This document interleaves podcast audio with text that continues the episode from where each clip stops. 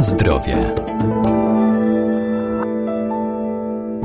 Moda na zdrowy tryb życia spowodowała, że wiele osób zmienia swoje nawyki, wprowadzając różnego rodzaju modele żywieniowe. Witarianizm to dieta oparta tylko i wyłącznie o produkty roślinne i pokarmy niepoddawane obróbce termicznej, zaś semi-wegetarianizm dopuszcza okazjonalnie spożywanie niektórych rodzajów mięsa, tym samym pozwala zbilansować odżywczo jadłospis. Co jeszcze warto o nich wiedzieć?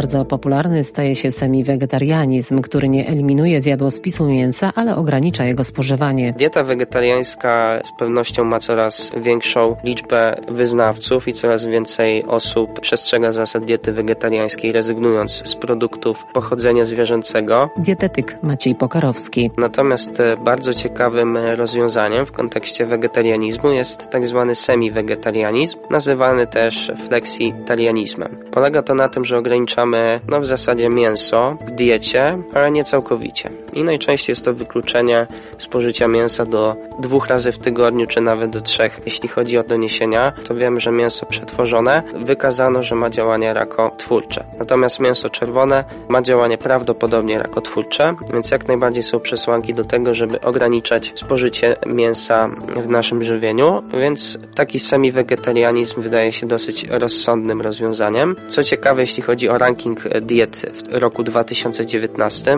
Taki ranking jest prowadzony co roku przez US News Health. Przyznano mu trzecie miejsce, jeśli chodzi o najlepszą dietę ogólnie dla człowieka, również w kontekście diety odchudzającej i zdrowej diety oraz drugie miejsce w kontekście najlepszej diety dla cukrzyków i najlepszej diety też do przestrzegania ogółem, czyli taką dietę zdecydowanie prościej przestrzegać niż w kontekście po prostu diety wegetariańskiej, czyli przy całkowitej rezygnacji z mięsa. Oczywiście z takiego psychologicznego punktu widzenia dla człowieka, który przyzwyczaił się do dużego i częstego spożycia mięsa, taki semi-wegetarianizm jest no, rozsądnym rozwiązaniem właśnie pod kątem psychiki, oczywiście zdrowia, no i też z punktu widzenia dietetycznego jest mniejszy problem z niedoborami i łatwiej zbilansować jadłospis, jeśli mamy okazjonalnie w nim mięso, ponieważ tak jak wiadomo przy diecie wegetariańskiej może dojść do niedoborów szczególnie witamin z grupy B, witaminy B12, cynku, żelaza, czy również takich kwasów tłuszczowych jak EPA i DHA.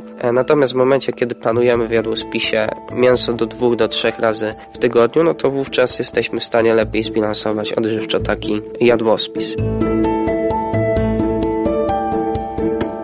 Na zdrowie. Dużym zainteresowaniem cieszy się także witarianizm, ale specjaliści odżywienia ostrzegają, ograniczenie podaży składników pokarmowych jest niekorzystne dla naszego zdrowia. Jest to tak naprawdę dieta oparta tylko i wyłącznie o produkty roślinne, dodatkowo nie poddane obróbce termicznej no i zazwyczaj taką granicą jest temperatura 42 stopni. Tak jak sama ta definicja mówi, opieramy się o warzywa, owoce, pestki i nasiona. Natomiast co jest istotne w witarianizmie jest to, że mamy tak naprawdę dwa modele. Jeden z nich to jest tak zwany 80-10-10, a drugi 95-5.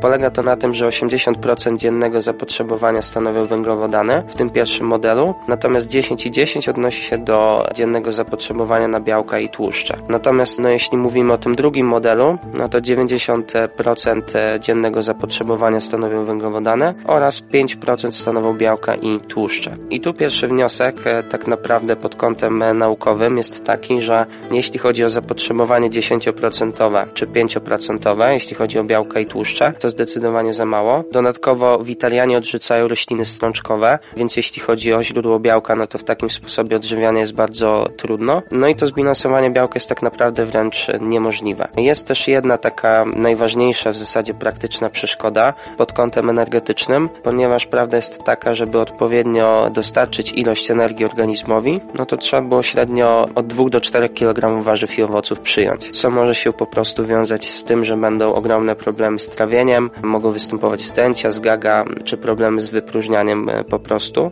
Odnośnie tłuszczów, bo mówiłem również o białku, no kwestia tego, żeby zapotrzebowanie na niezbędne, nienasycone kwasy tłuszczowe przy takim zapotrzebowaniu, jak e, podaje się w witarianizmie, czyli 10 czy 5%, no jest to po prostu też niemożliwe, tak samo jak w kontekście białka. Pod kątem tak naprawdę czy to składników mineralnych, to mamy ogromny problem z witaminą D i wapniem, czyli między innymi tutaj będzie e, ryzyko występowania złamań po prostu, czy też regeneracja układu kostno-szkieletowego przy różnego rodzaju e, kontuzjach będzie bardzo utrudniona. To samo w kontekście witamin z grupy B, gdzie tak naprawdę dla przykładu witamina B12, no to tam głównym źródłem są produkty zwierzęce.